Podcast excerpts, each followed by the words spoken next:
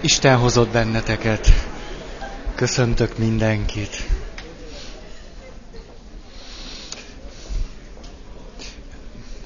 Ott járunk, hogy miután vázlatosan áttekintettük a hiány életútnak nevezett folyamatnak a fő állomásait, ismérveit, jellemzőit, akkor belekezdtem abba, hogy szedjük akkor össze egy pár pontban, mondjuk 40-ben, pont 40, azt, hogy egy ilyen hiány életútnak milyen tünetei vannak.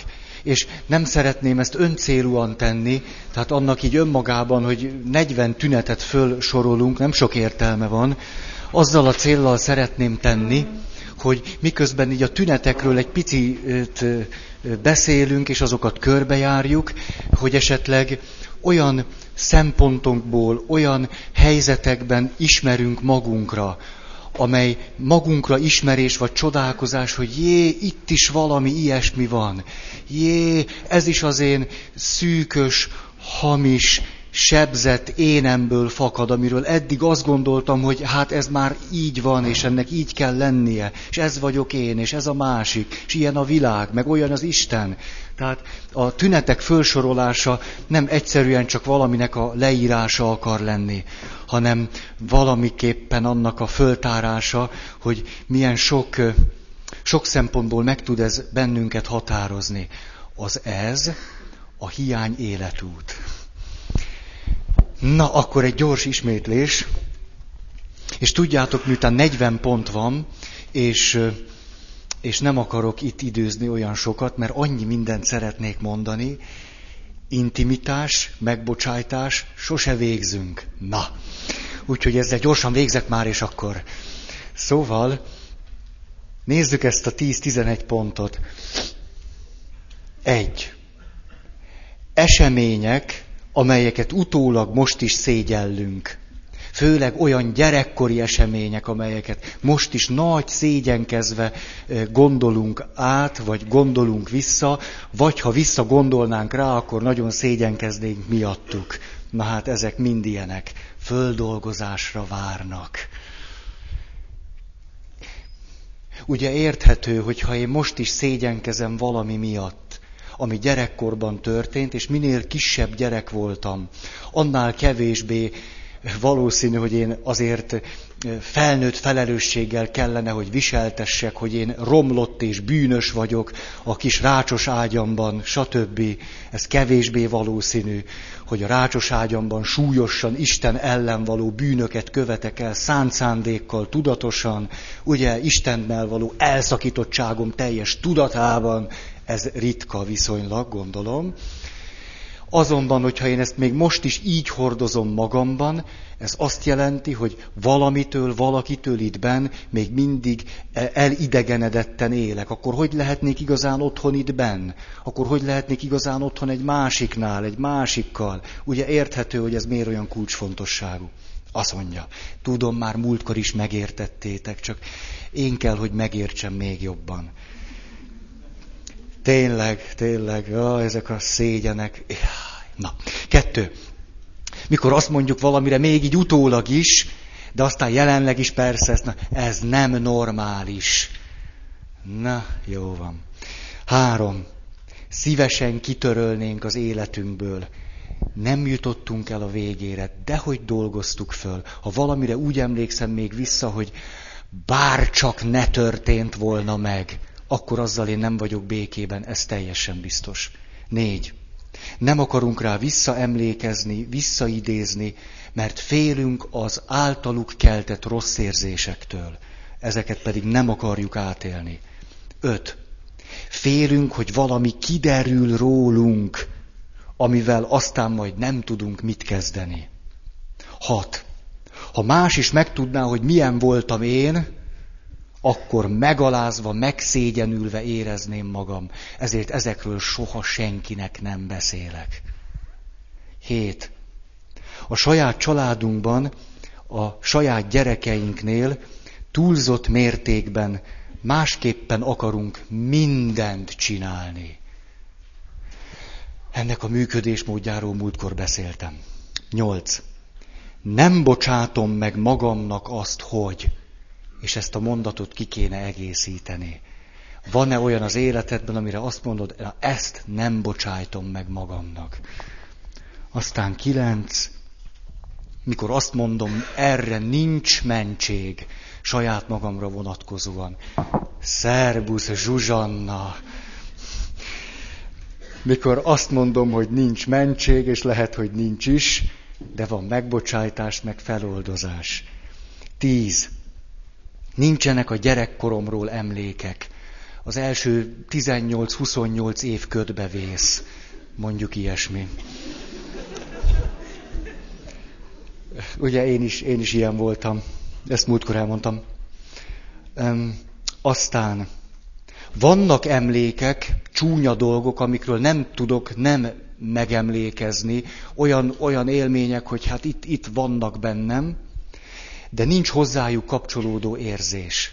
Vagy pedig van hozzájuk kapcsolódó érzés, de a hozzájuk kapcsolódó érzés nem a helyzetre vonatkozik. Vagy pedig főleg nem én rám vonatkozik. Ugye amikor én azt szeretném, hogy az anyukám törődjön velem, és én hiába sírok, hiába toporzékolok, hiába csinálok akármit, az anyukám nem szeret, nem törődik velem, és én akkor végső elkeseredésemben oda megyek hozzá, és ráütök a kis mancsommal. És erre anyukám ad nekem egy óriási frászt, és azt mondja, hogy a mi családunkban te nem emelhetsz kezet a szüleidre. És amikor én visszaemlékszem erre, akkor milyen érzést élek át, azt, hogy hogy tehettem én ezt meg. Pont az édesanyámmal. És akkor egy szégyent élek át, egy fájdalmat, egy, egy szorongást, meg egy ilyesmit. És mi lenne az az érzés, amit át kéne élnem? Ha, most ezt nem mondom meg. Hát mi vagyok én? De keressük meg annak a gyereknek az érzését, amit neki akkor ott át lehetett és kellett volna élni.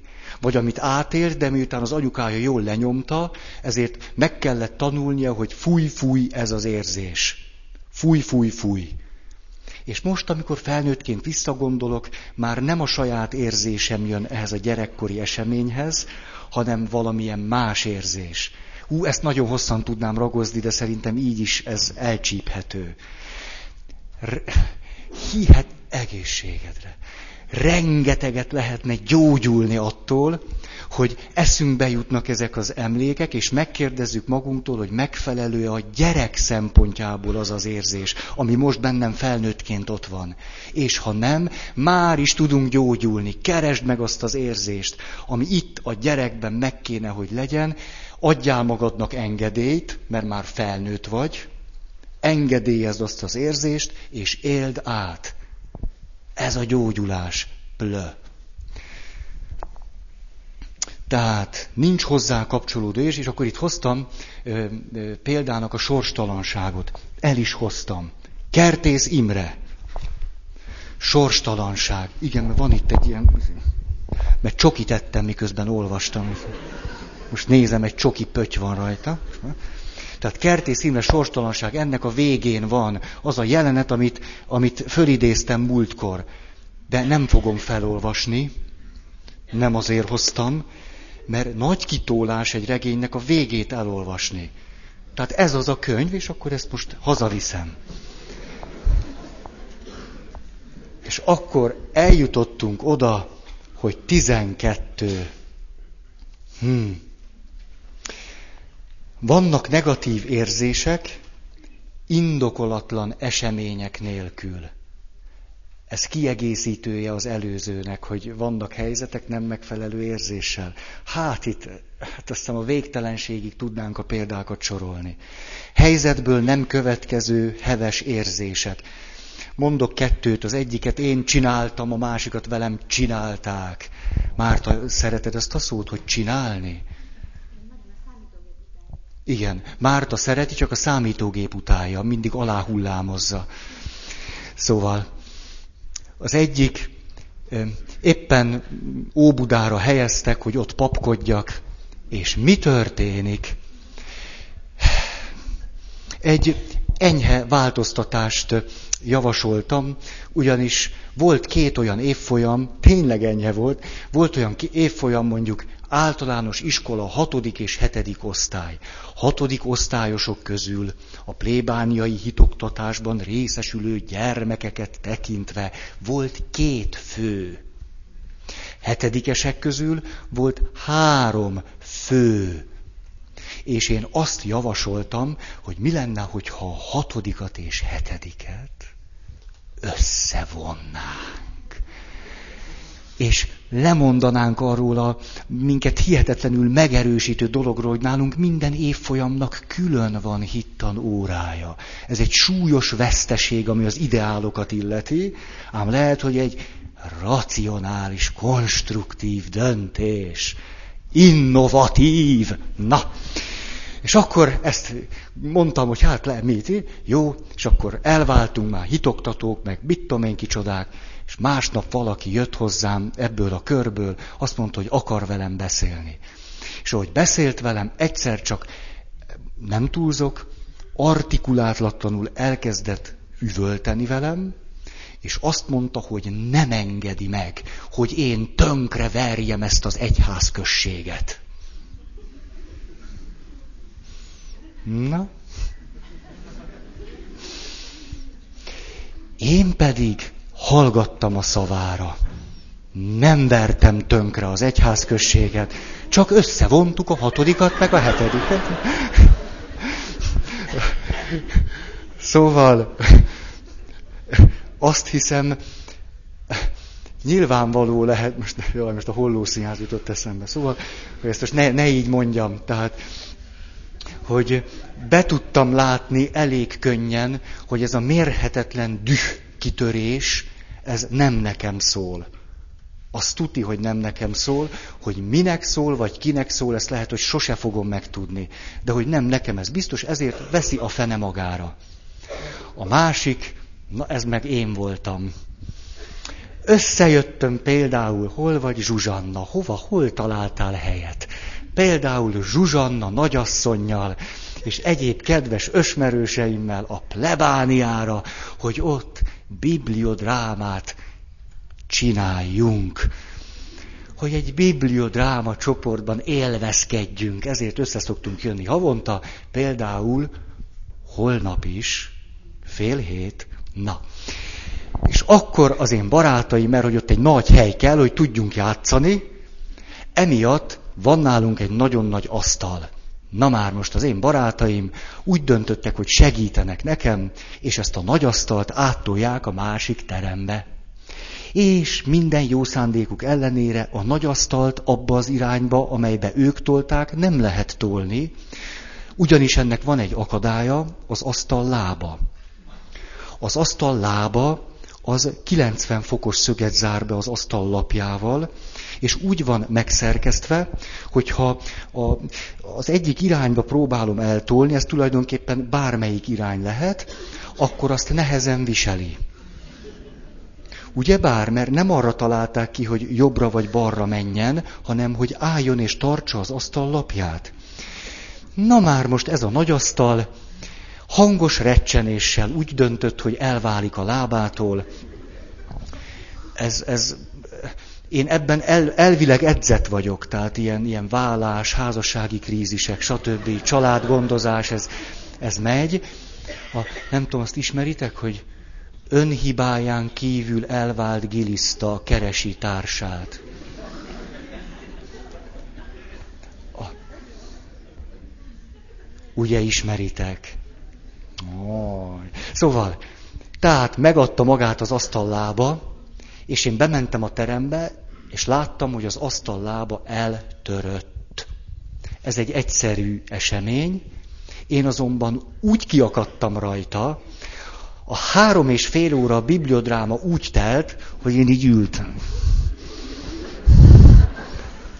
Rohadjatok meg, ti. Az én asztal lábamat ti tönkre zúztátok, tettétek, ti vagytok az én barátaim, tudod, kik vagytok?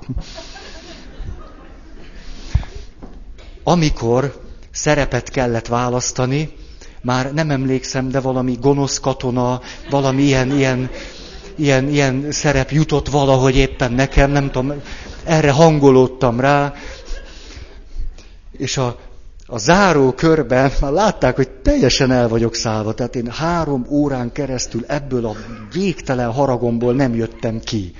És akkor legvégül a legedzettebb közülünk azt mondja, hogy hát Feri, ér- érzékelünk ám téged, tehát hogy azért látunk, látunk, hogy szívesen rászánunk egy kis időt, hogy esetleg, ha gondolod, szólhatsz erről, nagyon, itt, itt vagyunk egész csoport, itt van mindenki szívesen asszisztál neked. Nektek nem mondok semmit. Komolyan ezt mondtam. Én... Na hát ez az én haragom, gondolhatjátok, hogy nem a barátaimnak szólt, és főleg nem az asztal lába miatt történt, hanem szimbolikus esemény. Előidézett egy olyan tehetetlenséget, amit régóta hordozok. És annak a régóta hordozott tehetetlenségnek a szimbolikus helyzete volt ez. De hogy azoknak szólt, akik ott, tudjátok, másnap fölhívtak telefonon, szereztek egy asztalost, írtak nekem levelet, e-maileket küldtek, megsimogatták a buksikámat, tényleg azóta gyönyörű az asztallába, ki van cserélve minden. Hát szóval, na. Tehát ezek ordító tünetei annak, hogy minek szól a harag, kinek szól a harag, honnan hurcolom én azt hogyha jobb nektek itt leülni, nyugodtan, nem zavar, hogy ide jöttök, leültök, tényleg nyugodtan, mert ez, ez talán jobb.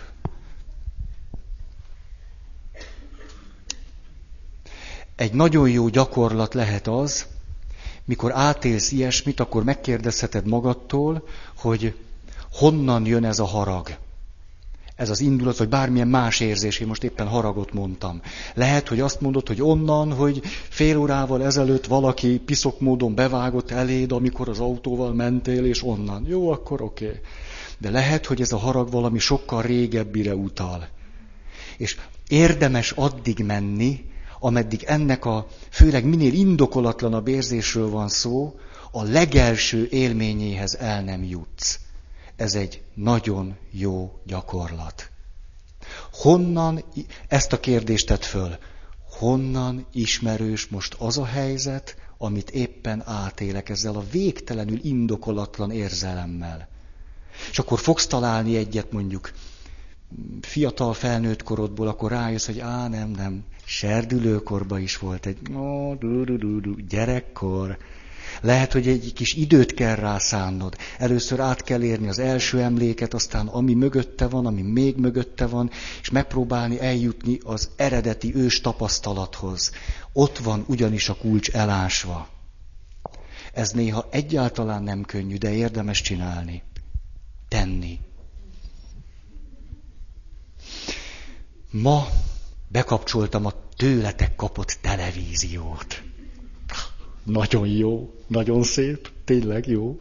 És mit látok a tévében?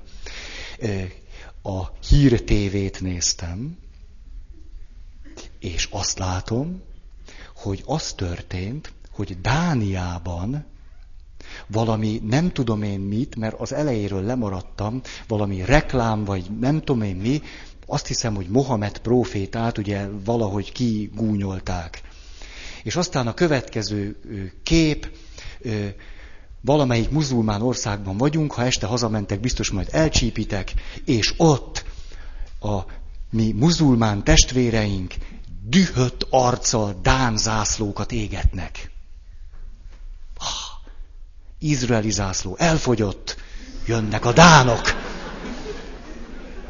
Hát tudjátok, nézem ezeket, a, ezeket az arcokat, ahogy sok ezer kilométerrel odébb lévő dánoknak a zászlaját égetik, de olyan indulattal, nekem nem mondjátok, hogy ez az indulat egy dán karikatúristára vonatkozik. Na, ezt nem mondja nekem senki. Hogy mire vonatkozik, az nagyon nagy kérdés. És pláne nem gondolom, hogy a Dán zászlónak a színei vagy a formája lennének ennyire undorítóak valakinek. Nem hiszem, hogy a muzulmán életérzés sérti a Dán zászló. Ezt nem hinném. Tehát nem valószínű... Na jó.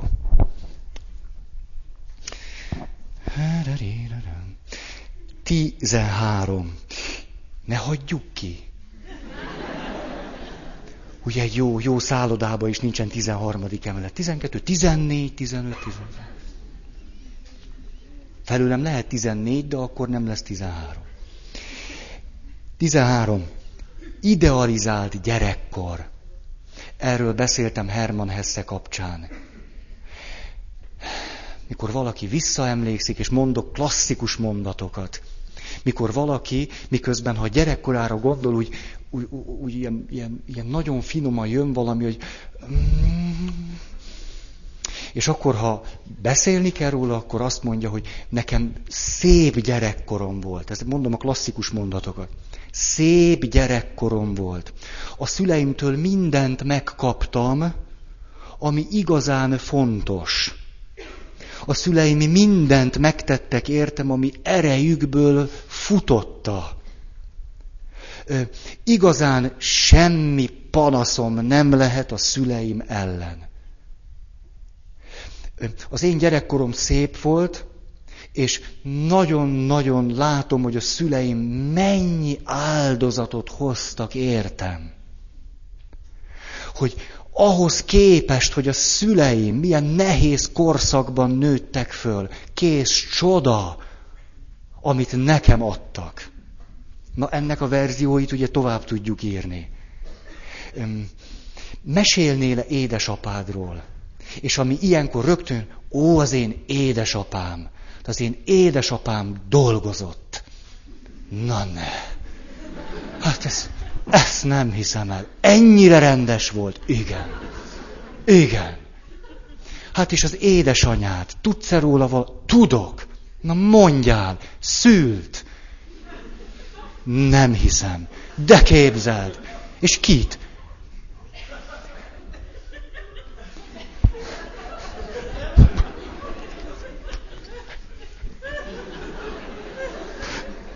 Az én édesanyám annyira jó, hogy engem, engem megszült. Most kérem, miért? Mert tartott volna még? Vagy mit? mit? Na, ná, hogy megszült. Egy idő után jössz ki, te, de rögtön, hát Na, idealizált gyerekkor, de hogy történt veled valami, és ha visszagondol, akkor meg így mondod, igen, igen, emlékszem arra, hogy édesapámmal négy éves koromban találkoztam először, mert a bányában dolgozott, de az egy nagyon emlékezetes találkozás volt, barackot nyomott a kis buksimra, kedvesen rám mosolygott, és azt mondta, hogy nem sokára jövök. És újabb négy-öt évre elment, hogy dolgozzon értem mai eszemmel is fölfoghatatlan, hogy az édesapám hogy tudott ekkora áldozatokat hozni, értem. Hogy kilenc évig dolgozott a bányában, én értem, és egyetlen találkozással kibírta ezt a kilenc évet. Pedig én voltam a gyereke, hát hogy hiányozhattam neki? Ugye van, van képzelő erőtök, hogy a végtelenségig mondjátok magatoknak ezt. Idealizált gyerekkor. Bergmannak láttátok-e a Fanni és Alexander című két részes, jó hosszú, láttátok, remélem. Bergman többek között az a valaki, aki a saját gyerekkorához egyrészt megtalálta abból a szempontból a kulcsot, hogy tudta utálni a szüleit, ez nagyon fontos fázis a megbékélés előtt. Harag, utálat nélkül nincs megbékélés. Ő tudta őket nagyon utálni, egészséges. És aztán pedig a saját gyerekkori nehézségei földolgozására elkészített egy kétrészes filmet, majd, hogy ez a földolgozás valóban célba érjön, megnézette sok millió emberrel. Nagyon ügyes hogy sok millió emberen keresztül eljusson saját magához. Tehetséges. Nagyon. A földolgozásnak egy egészen sajátos története. Miről van ilyenkor szó? Arról, hogy tulajdonképpen még mindig a szüleinket védjük, saját magunk helyett. Ha visszagondolnánk egyáltalán egy olyan helyzetre, amiben, hogyha ott jönne az az érzés, amit az a gyerek jogosan élt át akkor, vagy élhetett volna meg, akkor mi még mindig ebben a helyzetben azt mondjuk, hogy a szüleinknek volt igaza, és nem nekünk, mert mi akaratos gyerekek voltunk. Mi undok gyerekek voltunk, mi hiperaktív gyerekek voltunk. Ah, és akkor mondjuk ezeket a minősítő jelzőket, amelyeket felnőttek akasztottak ránk, és amelyek a szüleinknek éppen kapóra jöttek. Ez tipikusan az, hogy még mindig, ha döntenem kell magam és a szüleim között, akkor a szüleimet választom. Nehéz úgy élni ott abban a testben, ami neked van, hogy közben magadat nem választod soha, hanem mindig egy másik valakit az nagyon nehéz lehet. 14. Túlzott felelősségvállalás a szüleinkért, másokért.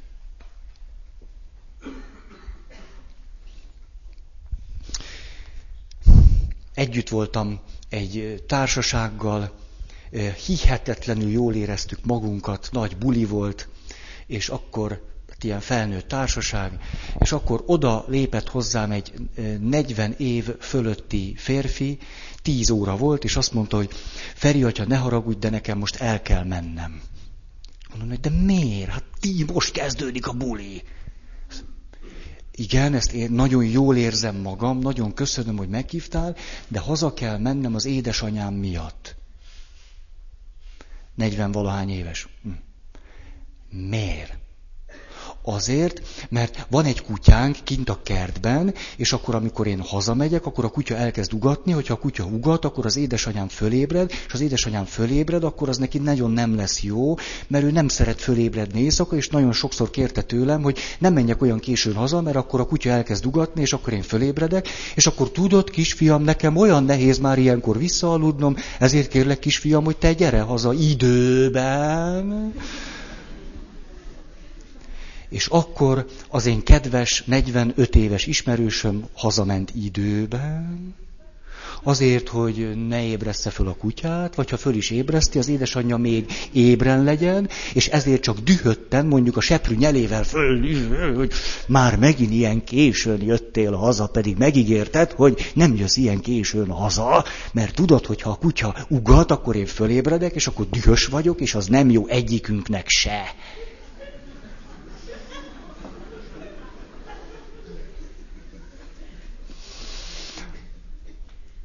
Át tudtam adni ezt a jelenséget?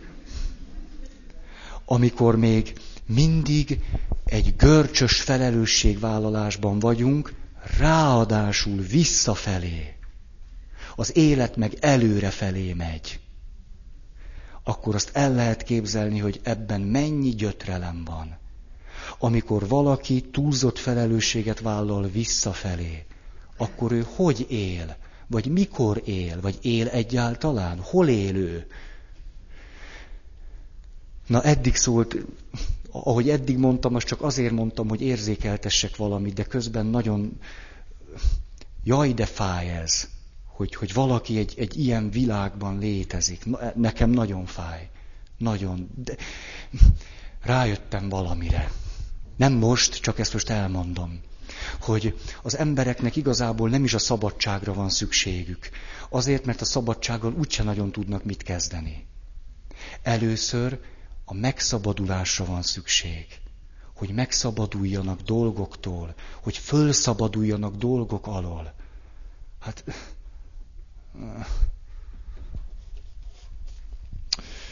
Aztán Na akkor egy kicsit magamról. Tudjátok, hogy ez a túlzott felelősségvállalás másokért. Segítő foglalkozásúak. Papok. Ha én egy helyzetben elkezdem azt átélni, hogy neked szükséged van rám, akkor minden erőmre szükség van ahhoz, hogy magamat is tudjam képviselni. minden erőmet össze kell szednem, most már egy kicsit kevesebb is elég, mert már mégiscsak már, már éltem egy kicsit, de mondjuk öt évvel ezelőtt szinte minden erőmre szükség volt, tíz évvel ezelőtt meg, meg eszem ágába sem volt magamért kiállni. Hanem az az élmény, hogy itt áll valaki, akinek rám szüksége van, ez beindított bennem egy teljesen tudattalan, ösztönös folyamat. Szükség van rám, puff, akkor nekem ott kell lennem, ott a helyem, akkor rogyásig a másik rendelkezésére kell állni. Mert szüksége van rám. Ez pontosan visszautal engem a saját gyerekkoromra, amikor a szüleimnek a hiányaik miatt nagyon nagy szükségük volt rám, hogy a hiányaikat velem töltsék ki, és ezért én hihetetlenül jól megtanultam azt, hogyha valami olyasmit élek át, hogy valakinek szüksége van rám, aki az alaphelyzetben mondjuk az anyukám, akkor én nekem rendelkezésre kell állni. Ugyanis az életem rajta múlik. Amikor ö, meg fiatal pap voltam, akkor már nem gondoltam azt, hogy az életem az édesanyámon múlik, hanem mondjuk ezt a következő formára alakult, hogy ahhoz, hogy jó pap legyek, ahhoz, hogy, hogy én rendes ember vagyok, hogy Istent valóban szolgáljam, hogy ahhoz nekem, ha valakinek szüksége van rám, akkor mindig rendelkezésre kell állni. Ah, leesett. A, a, ennek, hát ebből érdemes kigyógyulni. Olyan sokatoknak jelenthetett már rossz érzést az, hogy idejöttetek, és azt mondtátok, kedves fiatal pár, hogy Feri atya, tudnál-e bennünket vállalni jegyes párként? És én egymás után mondtam azt nektek, hogy nem. És nem is tudjátok, hogy mennyi munka van abban, hogy én azt mondtam nektek, hogy nem. És hogy, hogy egy milyen önmagamat tönkretevő működésmódba estem volna bele, amiről ti nem is tudtatok volna akkor, amikor azt mondtam volna nektek azt, hogy na jó, még hajnali ötre eljöhetnétek. Még akkor van egy kis szabad időm. Ezért nagyon büszke vagyok magamra, hogy ebből a hülyeségből kezdek kigyógyulni. Nagyon. Ah,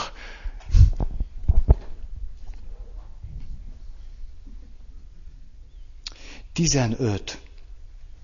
Ennek lehet egy másik verziója. Megszakítjuk a szüleinkkel való kapcsolatot. Hmm, ugyanonnan fakad, csak másféleképpen oldjuk meg a helyzetet. Hát ezt nem tudom, hogy nagyon kell-e ragozni.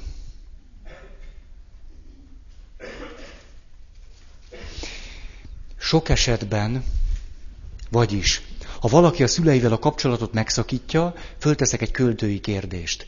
Ez annak a jele-e, hogy ő a szüleivel való kapcsolatot rendezte. Hm.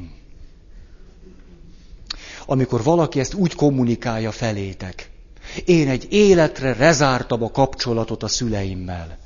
Na ne, na ezt már ne higgyem el. Ha te egy életre lezártad volna a kapcsolatot, akkor nyugodtan találkozhatnál velük. Mert akkor minden nap újra lehet velük kezdeni, meg le lehet zárni, ahogy neked jól esik. De ha te egy életre lezártad a kapcsolatot a még élő szüleiddel, hogy az a kapcsolat nincs lezárva, hát az biztos. Van ennek egy...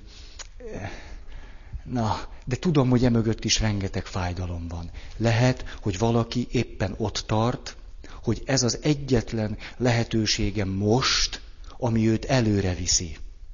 Lehet. Lehet, hogy ennek még egy évig, vagy öt évig így jó, ha megy. Hát akkor így jó. Én sosem akarok minden helyzetre vonatkozó általános mondatokat mondani, dehogy is. Tehát lehet, hogy valakinek most éppen ezt kell tenni, hogy nem. De ez a mondat azért nagy sérültségre utal. Ennek lehet egy, egy másik sajátos változata, mikor nem a szüleinkkel szakítjuk meg a kapcsolatot, hanem valamelyik testvérünkkel.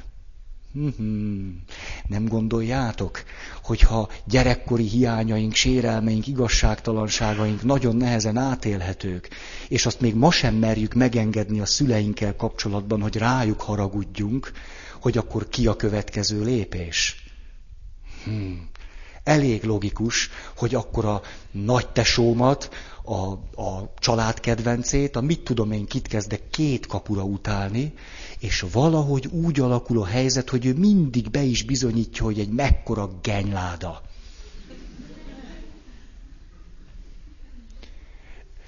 Ez egy kerülő útja a szüleinkkel való kapcsolat megszakítás történetnek. Ezen is érdemes itt el, elvívódni.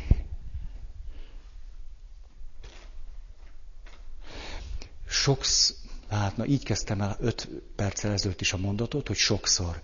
A gyakran, gyakran ez egy óriási fölkiáltást rejt még. Azt, hogy a szüleim vegyék már észre, hogy velem valami baj van.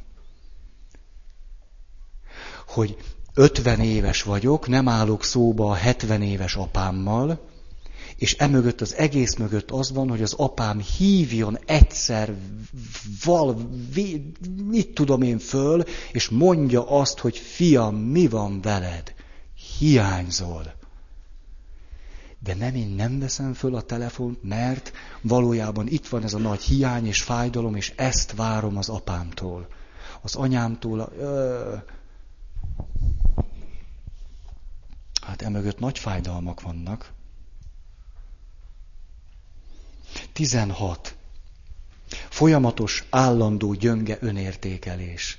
Hát, erről sokat beszéltem.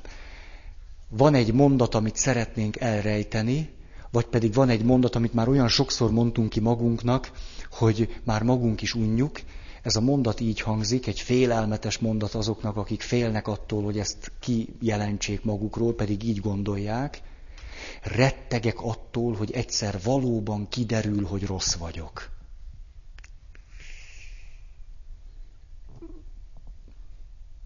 küzdök ez ellen, harcolok, nem jó vagyok, te erős vagyok, izé, minden, és ott van ez a mély félelem a szívem mélyén, hogy csak egyszer nehogy kiderüljön, hogy nem is hogy ez az egész teperés a siker után, a dicsőség után, a pénz után, a karrier után, meg minden, egy ilyen kis incifinci, lehetetlen mondatocskát rejt, hogy csak ki ne derüljön, hogy rossz vagyok.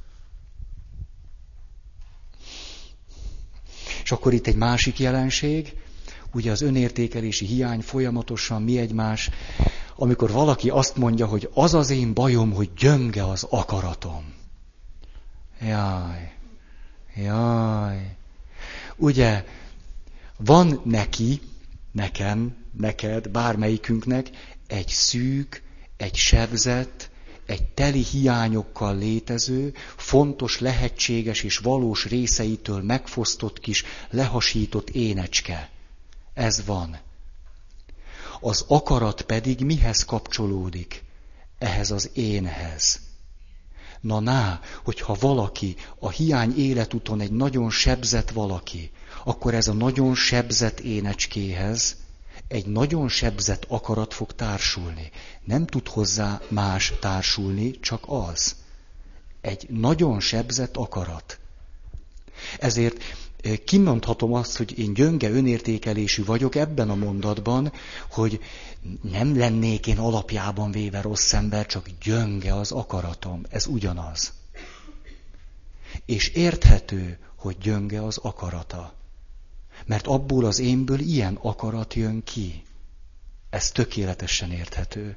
Ezért meg lehet feszülni a végtelenségig, az erőtartalékokat megpróbálni fölélni, egyik napról a másikra létezni, ezt lehet.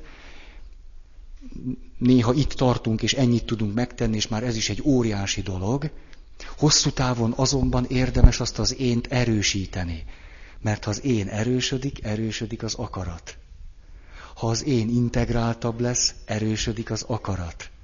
Ha az én szembenéz egy csomó mindennel, és azt földolgozza, erősödik az akarat. Ezért teljesen gyagyaság, hogy, hogy nem tudom, a katolikus egyház nevében valakinek állandóan azt mondjuk lelkivezetés címszóval, hogy szedje össze magát. Mit szed össze? Mit azt az öt morzsát, amiről azt gondolja, hogy az ő? Hát reggeltől estig azt az öt morzsát szedegeti össze. Hát, hát most nagyon, most hülyeségeket fogok beszélni. A, van ennek persze egy másik változata, egy ilyen keresztény kultúrváltozata. Az úgy néz ki, hogy gyerekkoromtól kezdve a szüleim kőkeményen megmondták, hogy mit hogy kell csinálni. Kőkeményen. Jól megbüntettek, izé, érzelem, semmi, fiam.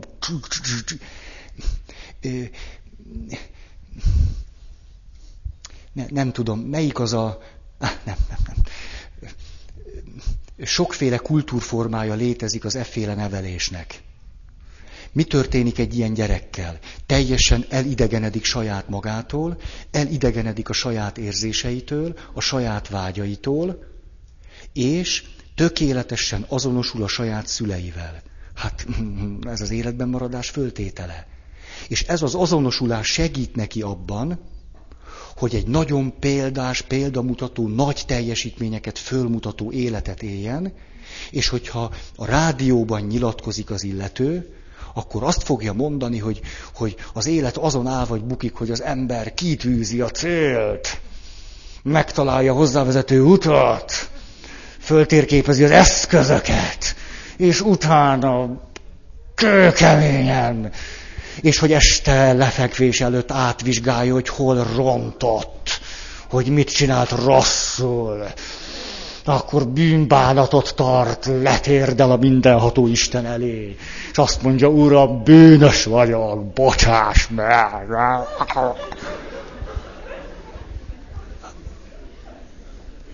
És az illető másnap reggel fölkel, és és úgy él, mint a saját apja ha megkérdeznénk, hogy, hogy és hol vagy te, akkor nincs. Az, az nincs. Mert az a kis te, annak képzeld el lennének érzései. Az néha nem akarna 16 órát dolgozni. Az, az azt mondaná, hogy mi lenne, hogyha ha nem mindig a legolcsóbb ebédet enném az üzemi étkezdében, hanem befizetnék a la carte. És hogy, hogy esetleg az ebéd után el lehet menni, és elnyalni egy fagyit.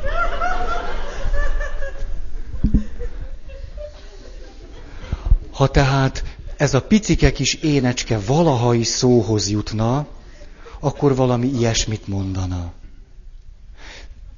Nem csodálom, hogy aki éppen az édesapja életét éli tovább, erős túlzással, hát a legnagyobb félelmeket éli át, hogy ehhez képest, ha ő elkezdeni a saját életét élni, az milyen lenne.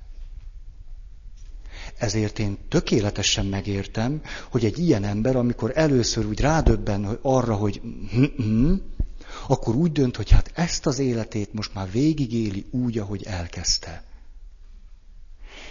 Legalább akkor egy rendes ember lesz, ha nem is lesz boldog. De ezt is be lehet vonni az árszpoétikába, és azt mondani, az élet célja nem a boldogság. Az élvhajház, individualista ember törekszik a boldogságra, a keresztény ember célja nem a boldogság, hanem az üdvösség.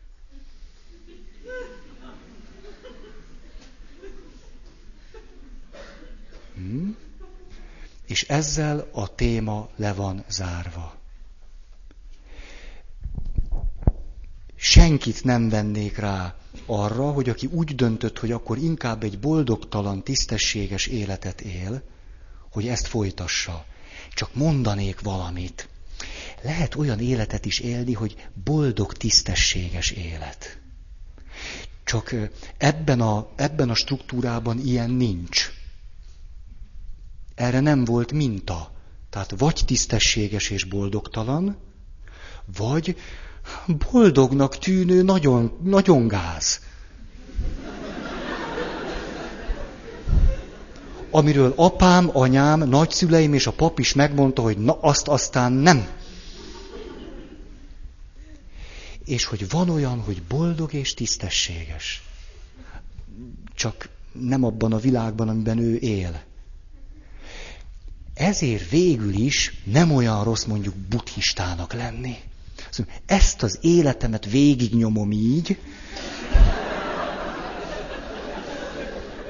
ezt a maradék negyvenest,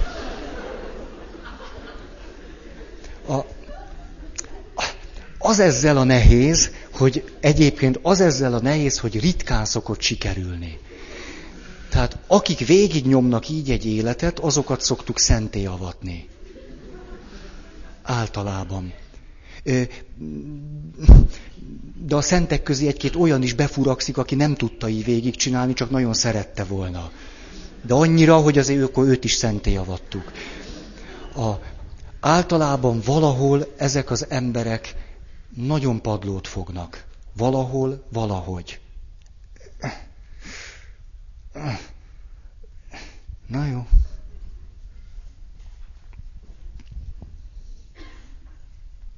Hol tartottam? Ja, folyamatos, állandó csönkelnézték. Úgy hat rám ez a mondat. 17. Indokolatlanul negatív viszony a hatalomhoz. Az autoriter. Nem tudom befejezni. A, mikor valaki állandóan lázad, állandóan kritizálja azokat, akik fölötte vannak. Képtelen, tehát amikor meghallja azt a szót, hogy egyház, hogy és kigyullad egy ilyen vörös fény, hierarchia. Hogy az egyház számára semmi más, csak egy rohadt hierarchia, ahol persze ő alul van. Ez egy nagyon nagy sérülésnek a jele, az állandó lázadás, betartása. Ő a, egyébként a, hát ha, ha, ha ilyen, akkor, akkor kő keményen konfrontálódik. Ha nem, akkor csak szűk társaságokban fröcsög. Fölfelé nyalakodik ez is verzió. Vagy a lépcsőházi vitatkozó. Eldönti a lép, úgy, el, most elmegyek a főnökömhöz, és azt most megmondom neki, hogy úgy megmondom neki, hogy helyezzen át engem. És akkor arra gondoltam, kedves, beosztottam, hogy megerősítlelek téged ebben a munkakörödben, nagyon jól végzed a dolgot. Igen. Jaj, hát nagyon köszönöm. Hát Jaj, ezt nem is, hát erre nem számítottam. Ez egy meglepetés, hát. Kijön, mit csináltam? Most újabb két év, hát egy, én egy állat vagyok. És akkor utána visszamegy a munkatárs, és azt mondja, hogy ez a rohadt főnök, szemét. Ismertek ilyen embereket? Hm? a, a gyerekkori hiányaimnak a földolgozására tett kísérleteim között ez is szerepelt. Ez is. Előszeretettel konfrontálódtam a hatalommal, míg nem aztán egyszer csak két dologra jöttem rá. Az egyik, a püspök is ember. Képzeljétek. Egyszer csak rájöttem, hogy ember. Ez nagy dolog. Nagy dolog, és akkor rájöttem, hogy ha ember, lehet vele beszélni. És képzeljétek el, eljutottam oda, hogy egy püspökkel együtt lehet működni. Na mit szóltok? Hogy az ember a főnökével együtt működhet. Hát aki ezen az úton járt, az tudja, hogy ez nem kis teljesítmény. hogy ő nem ellenség, vagy nem az a valaki, akinek be kell hódolni, de én nem akarok neki behódolni, ezért utálom. Hanem, hogy lehet együtt dolgozni. A másik fölismerés, ami segített ezen az úton, az az volt, hogy rájöttem, elfelejtettem lázadni az apámmal. Hm. Ez azért volt nekem nagy fölismerés, mert én serdülő koromban nagyon sokat lázadtam. Megtaláltam nagyon sok helyét annak, hogy hogy tudnék lázadni. És lázadtam. Például hihetetlenül utáltam a diktatúrát. Nagyon, két kapura, teljes szívből. Nagyon. Ennek megvannak a családi gyökerei, mondjuk a nagypapám internálása, a nagyszüleim vagyonelkobzása, az X-es öröksége édesanyámnak, hogy sose vették föl egyetemre. Szóval megtaláltam azt, amit lehet utálni. Én például a diktatúrát nagyon utáltam. És amikor 18 évesen fölolvasták a neveinket egymás után, hogy kit javasol a KISZ tovább tanulásra, akkor már magam se lepődtem meg, hogy engem a kommunista ifjúsági szervezet nem javasolta tovább tanulásra. Na csak! Ettől én még jobban utáltam a diktatúrát, gyorsan keresztény lettem, mert kereszténynek lenni eleve egy remek pozíció, hogy az ember utáljon egy diktatúrát. Nagyon és teljesen törvényes. Kedves keresztény barátaim, hogy vagytok ti a mindenféle hatalommal? Hmm? Összekeveritek a kereszténységet és a hatalom utálatát, gyűlöletét? Hmm? Szeretitek összemosni? Szóval én két kapura utáltam a diktatúrát, és akkor azt mondtam, most persze egyoldalúan ebből az irányból mondom el az élettörténetem eme szakaszát. Azt mondtam, akkor dögöljetek meg, tudod ki megy egyetemre. Én egy becsületes, kétkezű munkás leszek. Megmutatom nektek, hogy úgy is lehet. Engem ti nem neveltek át politikai gazdaságtan tantár címen. És akkor elmentem, és lettem egy rendes bútorasztalos. Ez abból a gyerekkori hiányból és sebzettségből fakad, amit én a magam útján, módján akkor 18 évesen, 16 évesen, 20 évesen így próbáltam föloldani. Ha. És akkor egyszer csak ráébredtem, hogy miközben két kapura utáltam a diktatúrát, na, aközben valahogy pont az édesapám ellen nem lázadtam soha. Ennek nagyon egyszerű oka van, mert én az anyám ellen lázadtam. Hmm. De az anyukám ellen nem lehetett olyan nagyon lázadni, mert az apukámmal meg nem volt kapcsolatom. Ezért én a következő mintázatot találtam ki magamnak. Hát persze gyerekként, hát ami adatik, aztán valahogy az lesz. Apukámmal nincs kapcsolat, mert apukám pilóta. Apukám sosincs otthon. Vagy ha otthon van, apukám alszik. Tehát apukát nem zavarjuk. Ezért apukával nincs kapcsolat. Van anyuka. Ez egy komoly dilemma. Anyukám azonban nincs jóba a saját szüleivel. Ajjajajaj. Ezért nincsen nagyszülő. Tűrűdűdűdű. Van egy szemanyuka. Ezért anyukámtól függök, anyukámat szeretem, de azért anyukámat egy kicsit utálom. Tűrűdű. És ahhoz, hogy anyukámat merjem utálni, amikor helye van, mert mit tudom én, akkor, vagy dühösnek lenni, jó, ez így jobban tetszik nektek, indokoltan dühösnek lenni, akkor kitalálok magamnak egy apukát. Én kitaláltam magamnak, hogy az apukám egy milyen jó fej. Az apukám nagyon jó fej. És egy egész kis mítoszt alkottam az apukám köré. És nem lázadtam az apukám ellen. És akkor, mikor már harminc voltam, egyszer csak rájöttem, te Feri, te valami fontosat kihagytál. Már most mindenkit utálsz, Most éppen kirúgtak a papnevelőintézetből, kizártak az egyetemről, és megtiltották, hogy belép az egyházi intézménybe, komolyan az épületből is kitiltottak. Komolyan. Leadták a, a fényképemet, hogyha ez jönne, akkor... A... Így volt. Shit. Jó van, tudom, tudom. Mégis magyarul. Ez így volt. Na, és akkor ez volt az a pont, hogy hát egy kicsit elmentem pszichoanalízisre. Mégiscsak, hát már lehetséges, hogy én vagyok az egyetlen jó fej a világon, és mindenki hülye?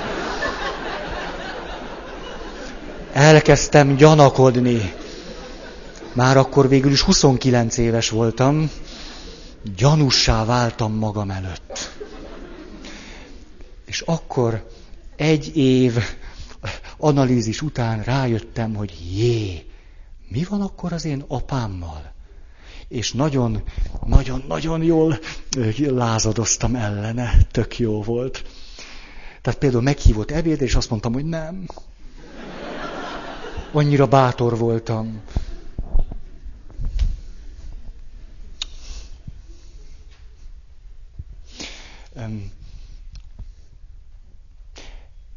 Egy utolsó mondat az egyház, egyház berkeiből. Azt tudjátok, hogy eredetileg a szentek kizárólag mártírok lehettek. Ilyen nem volt, hogy sze, olyan szent, aki, aki nem hal vértanú halált, hát az gagyi.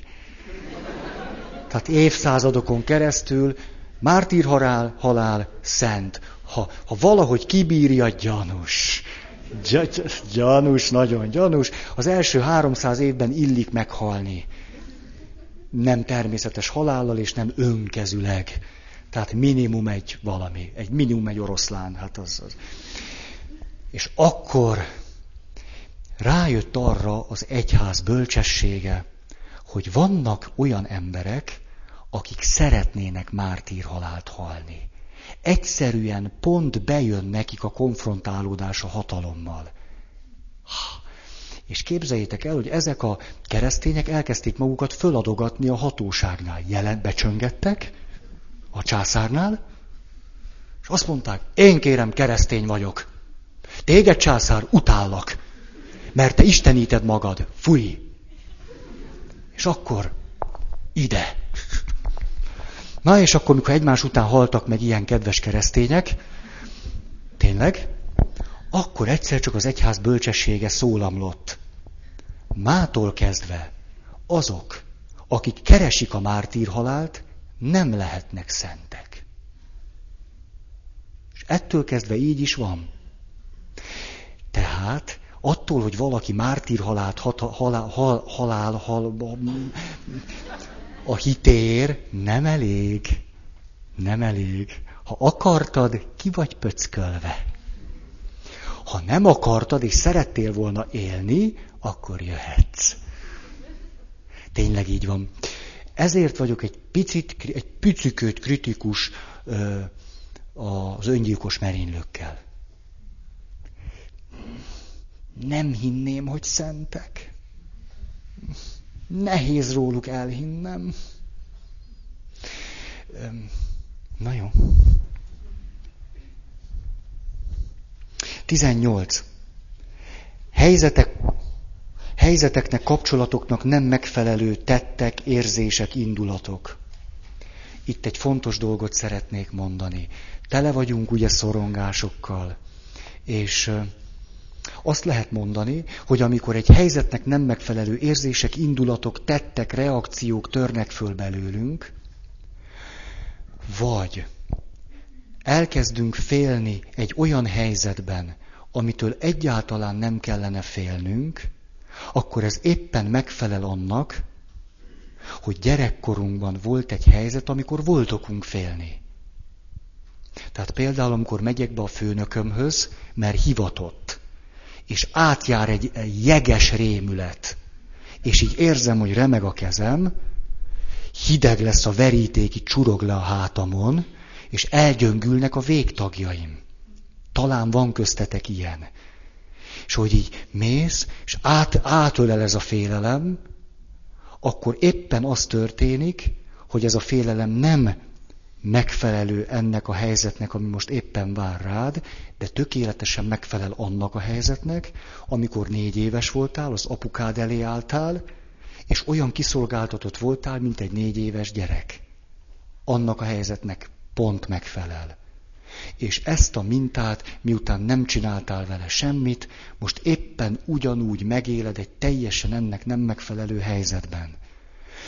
A gyógyulás útja az, hogy rájövök, hogy ez a félelem indokolt volt négy évesen, és nem indokolt most. Nagyon sok ilyen helyzet szokott lenni az életünkben. Amikor valaki valamit nem mer. Hát miért nem? Mindenki örömmel tesz valamit, és ő nem meri. Jaj, de emlékszem arra, elmentünk papnövendék, hát akkor már papok voltunk, Vissen szentelt papok, elmentünk a Tiszára vizitúrázni. És ö, ö, egyszer csak kikötöttünk egy olyan helyen, volt egy hatalmas fűzfa, és a fűzfának egy ága behajlott a víz fölé. És hogyha az ember szépen, ügyesen kigyalogolt a fűzfának ennek a kihajló ágára, akkor hihetetlen jó fejeseket lehetett ugrani. De valami eszméletlen jókat. És akkor a legtöbb paptársam, én is, két kapura élveztük a fejesugrást, és volt valaki, aki azt mondta, hogy én félek, hogy nem merek. És akkor minnyáján próbálkoztunk, hogy de nyugodtan, egy gyere itt, jövünk előtted, jövünk mögötted, így ide, oda kísérünk egészen, és akkor belökünk, segítünk. Nem, nem az a félelem valamikor indokolt volt, de most nem az. De mikor volt indokolt? Ez az izgalmas. Parazita érzések ide tartoznak. Szorongás, szégyen, gyűlölet, féltékenység, irítség, önmegvetés, depresszió. Önmagában is tünet. 19. Most jön a spirituális szál. Az, az muszáj. Igen, azt mondta a portás bácsi múltkor, hogy egy picit beszéljek az Istenről is. Tényleg? Tehát, mikor azt mondjuk magunkban, nem értjük, hogy Isten miért hagyta, hogy ez megtörténhessen velünk. Hát miért hagyta ezt, nem értjük. Erről sokat beszéltem. De amikor valaki egyáltalán az, hogy miért teszi ezt velem az Isten? Miért? Ezt tudjátok, mire emlékeztető helyzet nekem, meg a kérdés, mikor gyerek vagyok, és nem értem a szüleimet, mert én gyerek vagyok, és a szüleim világa nekem kínai. És tényleg azt gondolom, nem értem, hogy miért. Nem értem, hogy ez most miért van így. Hogy miért büntet engem Isten, ez a következő pont. Miért büntet engem Isten? Ezt nem értem. Szerintem nem kell túl nagy fantázia, hogy ez a helyzet honnan jön. És szegény Istennek, persze az Isten nem szegény ettől, te vagy a szegény, hogy, hogy még mindig ez, hogy miért büntet Isten, miért hagyja Isten, miért csinálja ezt velem Isten. Mi lenne, hogyha ezt a mondatot, miért csinálta ezt velem apám és anyám? Hogy most felnőtt vagy, most kérdezd meg. És lehet, hogyha egy csomó válaszod lesz, akkor ez a kérdés eltűnik az életedből, hogy miért csinálja velem ezt Isten. Mert egy gyereknek a szülei éppen istenszerűek. Pont így van. Ezt a kérdést úgy, ahogy van, szépen borítékba lehetne rakni, és elküldeni valahova. Semmi köze az Istenhez. Hozzád van köze.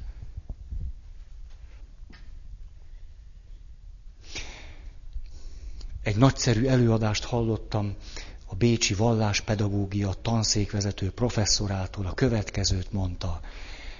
Kedves lelki gondozók, nagyon szépen kérem magukat, ha lehetséges, ne akarják elképzelni Istent. Most, ha ez még lehetséges, ne rajzolják le Istent a gyerekeknek. Ha ez lehetséges volna, Istenről beszéljenek úgy, hogy nem tudjuk, hogy milyen. Ő a titok. És ha valamit el akarnak beszélni Istenről, akkor beszéljenek Jézusról. Őt fessék le, rajzolják le, vigyék nagyon közel a gyerekekhez. De a legnagyobb bűntény egy gyerek ellen, hogy Istent elkezdjük neki ábrázolni. Hogy Isten ott ül a felhőn, ott csücsül, szakállát simogatja, és szeretettel néz le rád. Hatalmas bölcsesség van abban, hogy a zsidók azt mondták, azt mondják, hogy Isten nevét tilos kiejteni. Megnevezhetetlen. Hogy a muzulmán testvéreink azt mondják, hogy Istent tilos ábrázolni. És bemész egy gyönyörű mecsetbe, és nincs ábrázolás. Persze ők meg azt teszik, hogy fölírják mondjuk Istennek a száz nevét körbe. Ha ezért valamit kell csinálni.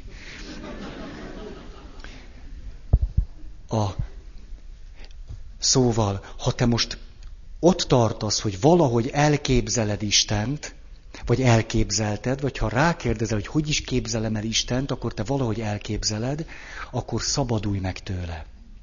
Légy szí. Nem éri meg. Mert az, ahogy te elképzeled, az valahonnan a te előtörténetedből jön. És ebből a szempontból egyáltalán nem olyan egyértelmű nyereség, hogy az Isten egy, egy szerető apuci.